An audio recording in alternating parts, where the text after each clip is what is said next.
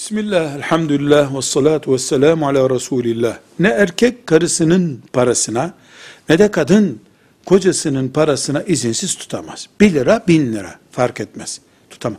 Herkesin mal, mülkiyet hakkı müstakildir. Evlenmiş olmak birbirinin malından istediğin gibi istifade etmek değildir. Böyle evlilik böyle bir hak doğurmuyor. Kadın kocasının malından ne kadar izinsiz kullanabilir? Eğer yeme içme, kira, elektrik, su, gaz parası, üst giyim parası, çocukların acil ihtiyaçları konusunda erkek cimrilik yapıyor.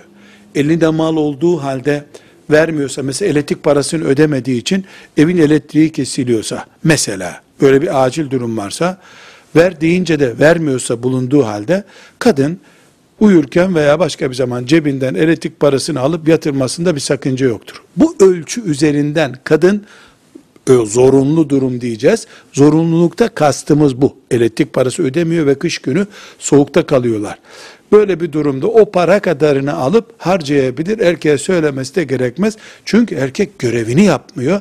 Bir tür kanun ona bu hakkı vermiş gibi kabul ediyor dinimiz. Peygamber sallallahu aleyhi ve sellem döneminde böyle bir olay olmuş. Bu cevabı vermiş aleyhissalatü vesselam Efendimiz. Velhamdülillahi Rabbil alemin.